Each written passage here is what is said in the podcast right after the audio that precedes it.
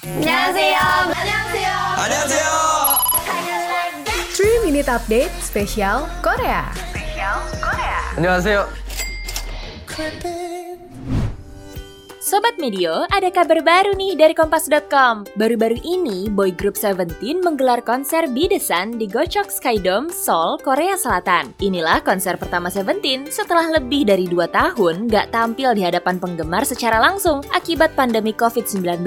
Salah satu member Seventeen, Hoshi, memamerkan tubuhnya yang kekar dan terbentuk dalam konser itu. Karena saat wawancara sama majalah Vogue Korea, Hoshi mengaku ingin menunjukkan citra yang lebih matang dan dewasa dengan penampilannya itu. Hoshi bilang kalau inilah saat yang dia tunggu, karena selama nggak manggung, ia selalu ingin tampil dengan citra dewasa di depan penggemar Seventeen. Tenang Hoshi, kami tetap suka kamu kok.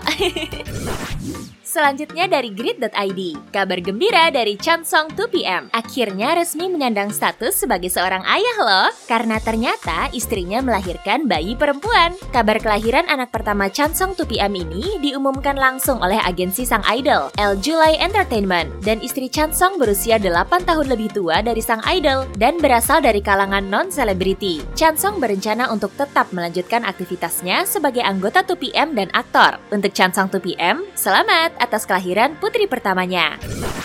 Terakhir nih, masih sama dari grid.id, kabar kurang mengenakan dari Mark and City. Pada hari Senin 25 Juli, dikabarkan bahwa Mark and City positif COVID-19 setelah melakukan tes antigen. Dikabarkan SM Entertainment kalau pagi hari itu Mark and City merasakan gejala kurang enak badan sehingga langsung diminta untuk melakukan tes antigen secara cepat. Tapi Mark dipastikan gak mengalami gejala yang berlebihan karena sang idol sudah mendapatkan vaksinasi ketiga. Mark langsung menghentikan semua kegiatan dan mengisolasi diri di rumah sesuai dengan ketentuan dari pemerintah Korea Selatan. Makanya Mark dipastikan absen dari konser NCT Dream The Dream Show 2 In a Dream yang rencananya digelar pada 29 hingga 31 Juli 2022.